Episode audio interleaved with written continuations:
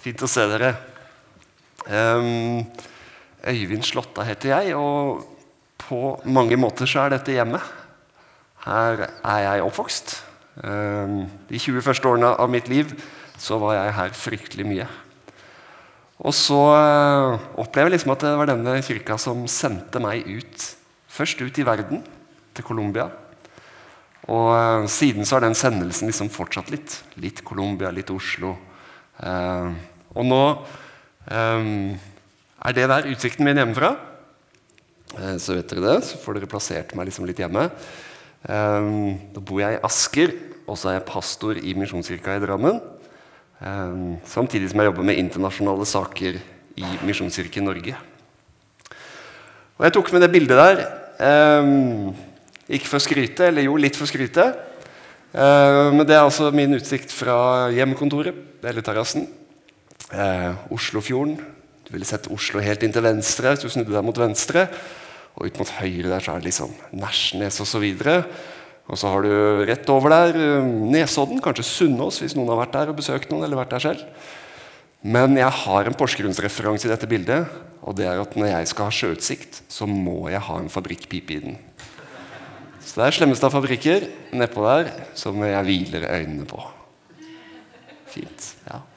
Jeg vet ikke om du liker noen type reality-serier eller noen type show du ser på TV. Om det er, om det er å danse, eller om det er en gjeng med kjendiser som skal se hvem som kommer lengst til å synge, eller om det er å være best på å pusse opp ei sommerhytte.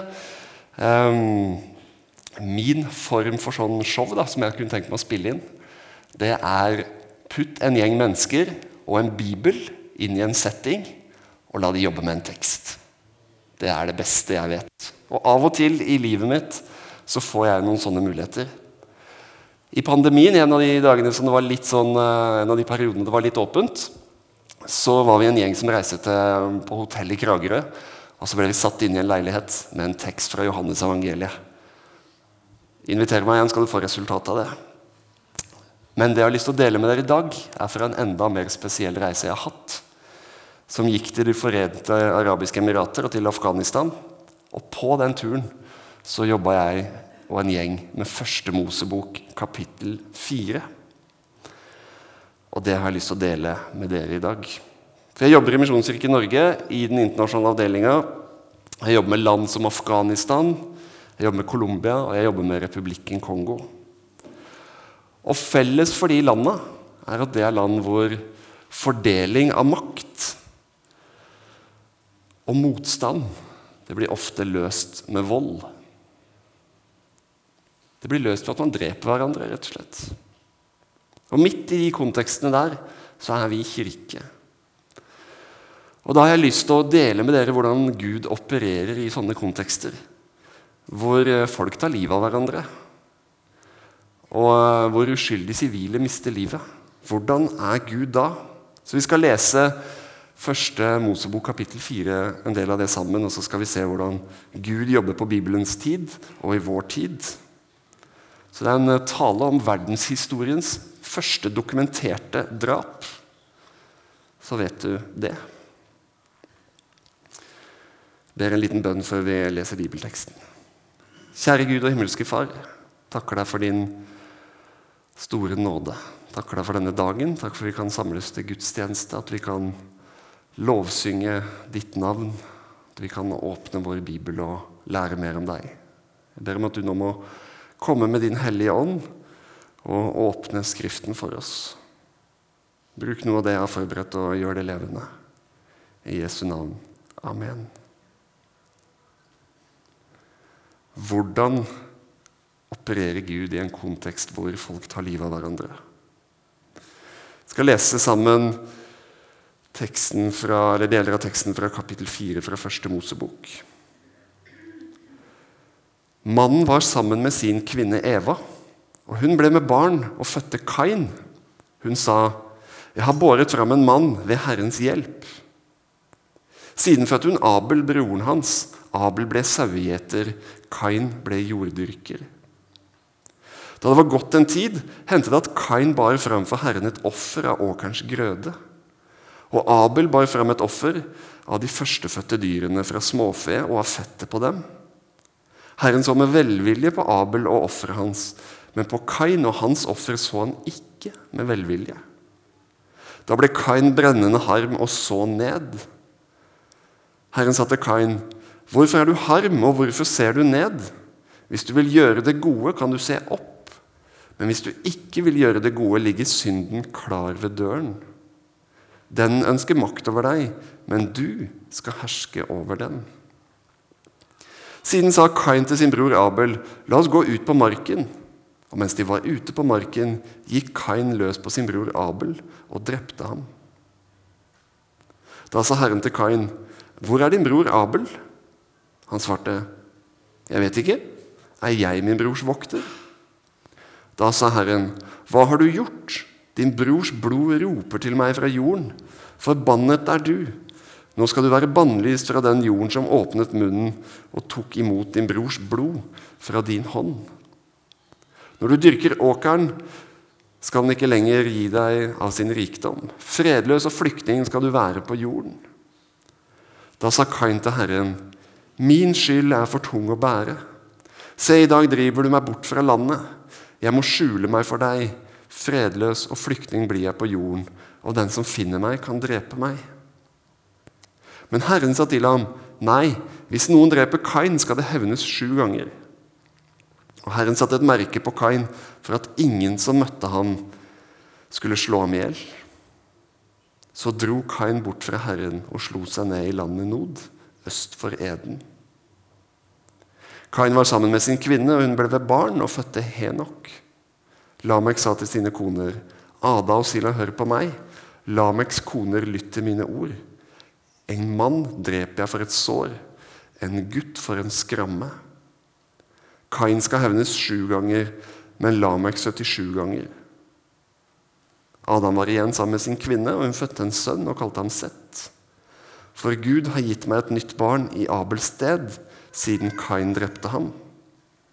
Også Sett fikk en sønn og ga ham navnet Enos. På den tiden begynte de å påkalle Herrens navn. Det var første Mosebok, kapittel 4, og jeg lover at jeg krydrer den historien og noen tanker om det med en reisedagbok fra min reise. For det er altså veldig tidlig på en mandag morgen at jeg reiser så langt øst som jeg aldri har vært på denne jord. Språket er annerledes, og tegn er annerledes. Men når jeg står på flyplassen her og har liksom holdt meg siden jeg var i europeisk luftrom, så ser jeg et ganske kjent tegn, og så tenker jeg Det der kjenner jeg igjen. Så dit springer jeg. Jeg er liksom nesten hånda på beltet, for jeg må være litt rask. Eh, så kommer jeg bort til døra, og så merker jeg at de som er rundt meg, de tar av seg skoene. Eh, så er det ikke toalettet, men det er det mannlige bønnerommet. Um, og da tenkte jeg filler'n, her får jeg ikke gjort det jeg skal. Og så neste tenkte jeg vet du hva, når jeg er i en sånn kontekst hvor det er så lagt til rette for å be, og hvor du blir minnet på å be med både bjeller og rop flere ganger i døgnet, så skal jeg jammen gjøre det. Jeg bestemmer meg for at hver gang omgivelsene oppfordrer til bønn, så skal jeg også be. Jeg er på, så langt øst for å, for å jobbe. Generalforsamling for omkring, omkring 20 kristne organisasjoner som eh, jobber i Afghanistan sammen. Og jeg møter den gjengen for første gang i en hotellresepsjon. De fleste av de jeg møter, de har vært eh, fagarbeidere i Afghanistan. De har jobba der i mange år. Resten av de besøker Afghanistan ganske ofte, mens jeg er nykommeren. Og Når jeg kommer inn i den hotellresepsjonen, så er det ganske laber stemning. Og Hele gjengen de står rundt en TV-skjerm med nyheter. Og det der er nyheten som er på skjermen. Reportasje fra hovedstaden i det landet som de er så glad i. For det har gått av først én bombe, og når hjelpearbeiderne og journalistene kommer, så går den store bomba nummer to. Elleve barn, en rekke journalister, omtrent 30 ofre for den aksjonen der. En av de som blir drept i den aksjonen, er en fotograf, journalist, som heter Shamarai. Og Han hadde nydelig, nylig rett før det skrevet en blogg om Afghanistan som het 'There is no more hope'. Det er ikke mer håp. Og når jeg leser han, så tenker jeg har han rett? Så kan vi si det om et land hvor det bor så mange mennesker under 25 år. 85% av befolkningen er under 25 år, og så skal noen si det er ikke noe mer håp. For de som kjemper på hver side av en konflikt, for de som lider, skal vi si there is no more hope. Jeg vet ikke om du har reist en del, men når du står liksom på gate og skal inn på et fly som går til et sted, så er liksom den gaten det er det første stedet du møter den kulturen du skal inn i. Så når jeg var på gate C9 på flyplassen i Dubai, så får jeg min sånn første følelse med Afghanistan. Plutselig så er de som rett før det var mine amerikanske venner som var kledd som amerikanere, plutselig hadde de tatt på seg ganske konservative klær. Damene hadde dekka til håret. Og de rundt meg, de, de så annerledes ut. Så flyr vi til først til Kabul, mellomlander der, og videre til byen Herat. Og det bildet der er fra Herat. Deilig temperatur. Nydelige roser. Det er torsdag kveld, så det er liksom mye familier ute i gatene. og De sitter i parker og spiser liksom piknik. og de forbereder seg på helg. Mye vitner om at dette er en helt utrolig fantastisk by å være i. Så vakkert. Men så er det noen andre ting som vitner om den trusselen som ligger der. Det står mange sånne 15 cm tjukke betongelementer i tre meters høyde. Og Visste du at du trenger 15 cm med armert betong for å stoppe prosjektiler fra et maskingevær? Det måtte jeg lære før jeg reiste dit. Det er tre porter som skaper en sånn dobbel sluse inn på det stedet hvor jeg skal bo. En av de dørene er altså en skuddsikker port. Vitner om at i denne byen så er det noe mer utrygt enn det jeg er vant til. Og Så studerer vi denne historien fra Bibelen sammen i Første Mosebok kapittel 4. Relativt kjent historie. Kain og Abel to brødre, Adam og Eva sine gutter. En kortversjon av historien er Kain dreper Abel. Og I møte med den teksten så stiller jeg meg noen grunnleggende spørsmål. Hvorfor i all verden beskytter ikke Gud Abel? Og når Kain gjør noe så grusomt som å drepe sin egen bror, hvorfor går da Gud og snakker med ham etterpå? Personlig, Det er sikkert fordi jeg er oppvokst som veldig sånn snill søndagsskolegutt i dette bygget. Personlig så sympatiserer jeg mest med Abel, sånn i utgangspunktet. Abel har jobba hardt. Abel han har ofra. Abel har jobba på sin relasjon med Gud. Abel er en veldig skikkelig type. Men så må jeg prøve å sette meg i den andre sted, i Kain sitt sted. Morderen Kain Hvorfor blir han så sint? Er han ekstremt sjalu? Har han en følelse av å ikke strekke til? Sitter han med en opplevelse av å være mindreverdig? Han har ikke sakene sine i orden med Gud, i motsetning til broren. Han får ikke den anerkjennelsen han skulle ønske seg for den jobben og det offeret som han har gjort. Jeg lurer på om han går og bærer på en sånn følelse av utilstrekkelighet. Av mindreverd. En følelse av å være lite anerkjent. Så tenker jeg Kanskje det er noe av det som fører til at han blir så sinna og så veldig frustrert.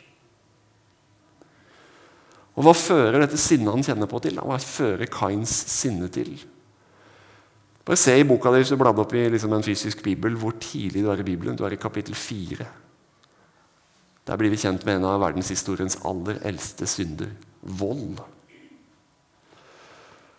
Det å bruke fysisk makt og fysisk vold når vi blir sint, det er en av verdenshistoriens aller eldste synder. Og Den blir vi mer og mer kjent med hvis du leser utover Det gamle testamentet. Og mens vi leser og reflekterer over denne bibelhistorien, så er jeg altså på reise inn i et land som så tydelig er prega av denne synden vold. og som har så enorme konsekvenser og innvirkning på mange menneskers liv. Jeg kan ikke la være å tenke på at I den bibelhistorien så er det én i persongalleriet som blir offer for drap. Han blir ikke skjerma av Gud for å bli drept. Og så vet jeg at 14 personer har blitt drept i tjeneste for den organisasjonen som jeg reiser sammen med inn i Afghanistan. 14 mennesker har mista livet i tjeneste for dem. Og så gjør det litt vondt på innsida å forberede meg til hit i dag, fordi at 2.9. er det også en av våre kollegaer der som blir kidnappa. Og i løpet av siste uka er 17 til tatt og er nå i Kabul i en sånn uavklart situasjon. Jeg var sammen med en teolog og pastor på den reisa. Og hans tydelige budskap var hvis du søker Gud og søker Bibelen fordi du ønsker at alt skal gå bra til slutt, sånn som i Hollywood-filmene, da kan jeg ikke hjelpe deg. Hvis du har en forventning til en Gud som skal bevare og beskytte deg fra alt ondt, så finner ikke jeg i min bibel at det er sånn det virker. På tross av lovnader i salmene om at han er med. På tross av det jeg tror er sant, som barna skal snakke om i dag, at vi kan søke vår tilflukt i Han. På tross av det så er det ikke sånn happy ending-historie nødvendigvis. Kain er liksom bad guy i denne historien. da. Han er verstingen. Og hva gjør Gud med Kain? Hva gjør Gud med Kain? Går Gud liksom rett på straff? Nei. Se i teksten. Han går og, han går og leter. Han går og leter etter han og spør hvor er broren din? Hva har skjedd? Hva med broren din, da? Og Det er når den delen der av historien begynner om Kain og Abel, at jeg kjenner at hjertet mitt begynner å beveges i møte med teksten. At Gud tar tak i hele kroppen min og rister meg litt. For Gud han gir ikke opp den voldelige broren. Men han er stadig på leting etter ham. Han driver oppsøkende virksomhet. Han stiller ransakende spørsmål. Hvor er du? Hva har skjedd? Hva med broren din, da? Og Se videre på historien. Kain dreper Abel. Enda Abel er den som hadde ting i orden med Gud. Men nå morder en litt lenger ut i historien, for da får jo Kain en slags syndenød, leste jeg for dere. Han tenker at dette livet dette har jeg ikke lyst til å leve. Gud gjør slutt på livet mitt. Da nekter Gud. Da nekter Gud at han skal få dø, og så legger Gud en spesiell beskyttelse over livet hans. I vers 15 står det men Herren sa til ham, nei. Hvis noen dreper Kain, skal det hevnes sju ganger. Og Herren satte et merke på Kain for at ingen som møtte ham, skulle slå ham i hjel. Akkurat det der oppleves ikke så veldig rettferdig fra mitt perspektiv som Abel-supporter. Men hvis jeg klarer å sette meg i Kain sitt sted, så blir jeg litt sånn slått i bakken av hvor overveldende Guds kjærlighet er i møte med Kain. Og hvor stor Guds kjærlighet er i møte med oss. At Guds kjærlighet er så stor at den bare overgår alle tanker om hvor ille ting vi kan gjøre. Helt uavhengig av hvem vi er, helt uavhengig av hvordan vi lever, så er du ønska, og du er elska av Gud. Volden slutter ikke med at Kain dreper Abel. Se på Lamek i vers 23. Han skryter av at han eh, dreper en mann for et skrubbsår. Lamek sa da til sine koner Ada og Silla, hør på meg. En mann dreper jeg for et sår, en gutt for en skramme. Og I flere av de landene hvor vi driver misjon, som misjonskirker, så er det normalen. Jeg har truffet på noen av de der som eh, et skrubbsår. Det dreper de for. Og så har jeg lyst til å fortelle en historie om hvordan møtet med Guds kjærlighet kan endre et sånt liv. Og eh, siden dere vet at jeg har vært i Colombia i et par perioder, så har jeg lyst til å dele en historie derfra. Og Deler av den historien har aldersgrense, men barnekirka har gått ut. så det er, det er fint at søndagsskolen ikke er her. Jeg ble kjent med en kar da jeg bodde i Bogotá. Og Han var egentlig ikke så veldig stor. Han var litt mindre enn meg. Og Noe av grunnen til at vi ble liksom uh, gruppert litt i samme gruppa, det var at vi begge to ble kalt for kjøttskjæreren. Jeg fordi at jeg hadde bakgrunn fra liksom, kjøttbransjen. Jobba på Gilde i noen år. Og jeg har partert både storfe og småfe. Kameraten min han har også partert ganske mye, men han har ikke partert storfe og småfe. Hans jobb var å få døde kropper til å forsvinne helt ubemerka. Da skal du være ganske tøff, altså. Og ganske følelsesløs. Og så møtte han Jesus. Så blir han så utrolig berørt av liksom møtet med Guds kjærlighet. At livet hans bare begynner helt på nytt. Og på det tidspunktet som jeg blir kjent med han, så får jeg også mine tvillinger. De er født i Bogotá. 14 år siden. Og samtidig så blir han pappa til ei lita jente. Og så forteller kona hans, for hun traff jeg stadig vekk i, i, jobben, for hun var regnskapsfører for en av, en av misjonskirkene i byen. Og da fortalte hun Øyvind, nå skal du høre hva som skjedde i helga med kjøttskjæreren min. Ja. For da hadde, da hadde hun amma jenteungen. Når hun var ferdig å amme, så skulle han ta gulpinga, og da kom det gulp med blod i gulpet. Og Han blir helt desperat og nesten svimer av å se blod. Og helt fra seg. Det er rett liksom på legevakt og alt mulig. Eh, ringer ambulanse og alt mulig. Til slutt så klarer kona å roe og si du, du, jeg har bare et bitte lite sår på brystet. Det er, mitt, det er litt, litt av mitt blod hun har fått inn i melka, som han holder på å besvime av. Han har blitt ganske soft. Hjertet hans har blitt helt mykt. Det hjertet han hadde av stein, har blitt helt endra i møte med Jesus. Jeg har med noen uh, bilder også fra Afghanistan. Et land hvor halvparten av Afghanistans befolkning lever med traumer og angst og depresjon. For de fleste så er det enkle diagnoser som lett kan behandles. Og hvor litt grann forståelse fra de pårørende kan endre livet deres.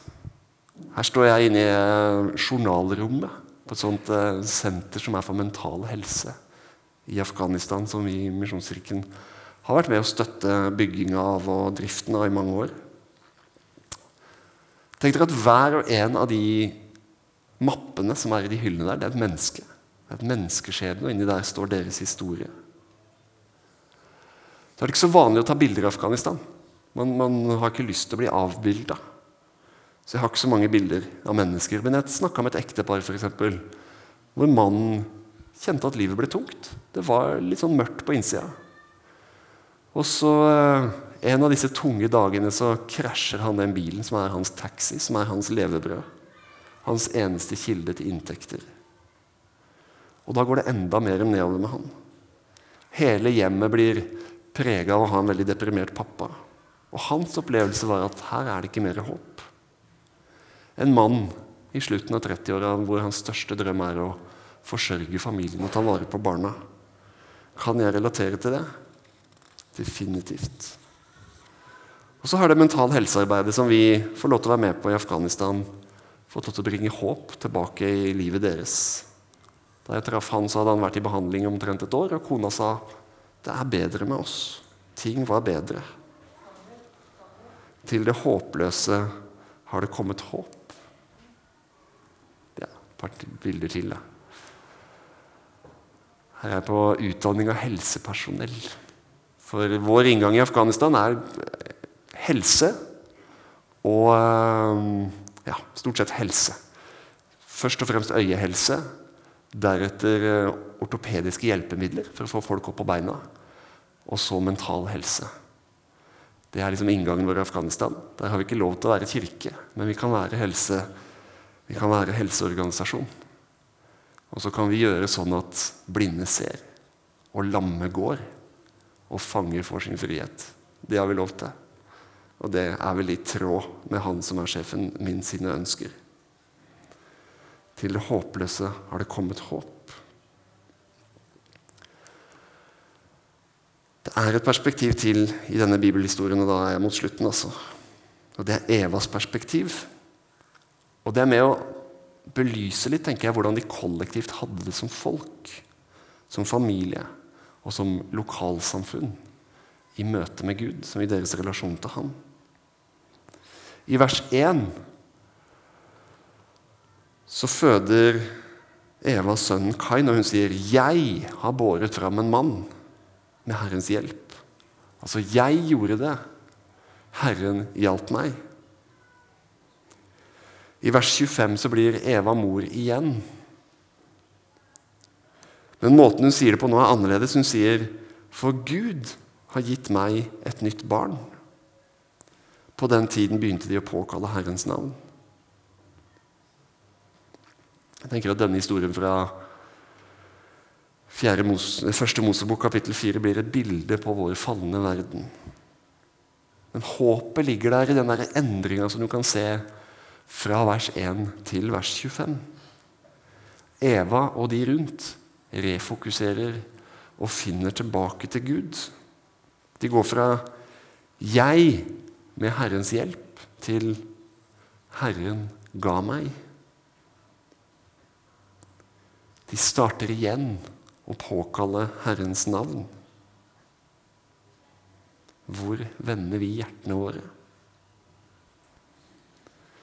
Siden jeg var i Afghanistan den gangen før pandemien, så har det skjedd en hel masse. De som den gangen var trusselen, de har blitt ledelsen. Pandemien har sendt enda flere mennesker inn i ekstrem fattigdom. Tørke og matmangel er med å liksom bare legge til på lista over desperate behov. Ikke lett for de som leder vår samarbeidsorganisasjon i landet. Med stadig skiftende muligheter både for å reise dit, bo der og virke der. Og midt i den krisetida der så har vi samla oss mange ganger og sagt til hverandre Vårt kall er å tjene det afghanske folket. Ikke tjene nasjonen. Ikke tjene ledelsen, ikke tjene vår egen stolthet, men å tjene det afghanske folket. Og Det har ikke blitt lettere. Også. Det er mange kjepper i hjula. Den siste er pågående. Men kallet er det samme.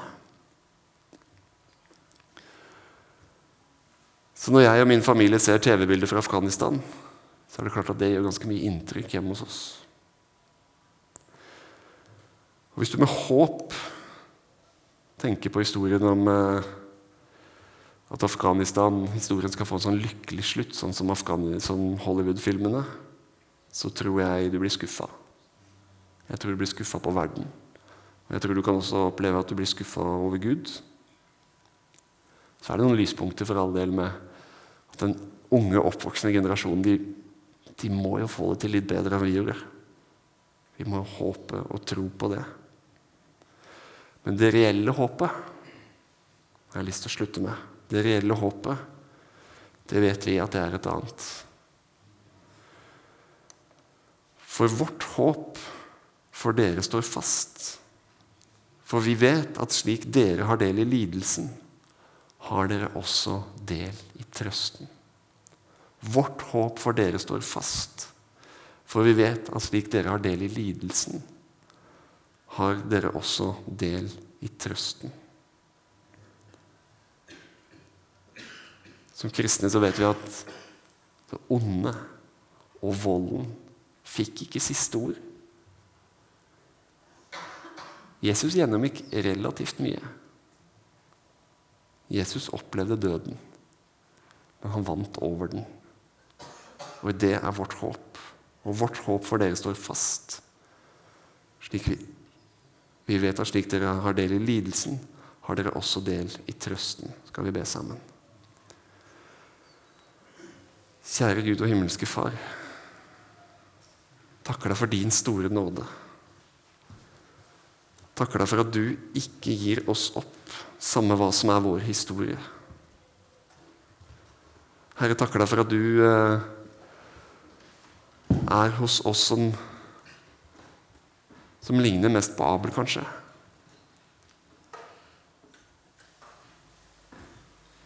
Så takker jeg deg for denne leteaksjonen som du har gående etter de som er i Kain sine sko.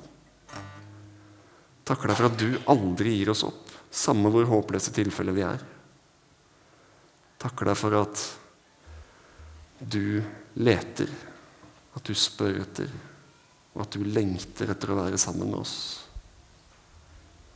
Så ber jeg deg for de vanskelige situasjonene som vi opplever i denne verden. Helt inn i familielivet vårt, men også ut på makronivået med de voldelige konfliktene som er i verden i dag. Ber deg for de landene som er prega av krig og konflikt. Ber deg for de landene hvor utfordringer blir løst med vold. Ber deg om at de også må få øye for at det er ikke løsningen. Ber deg om at de må få øye for at håpet, det er i deg.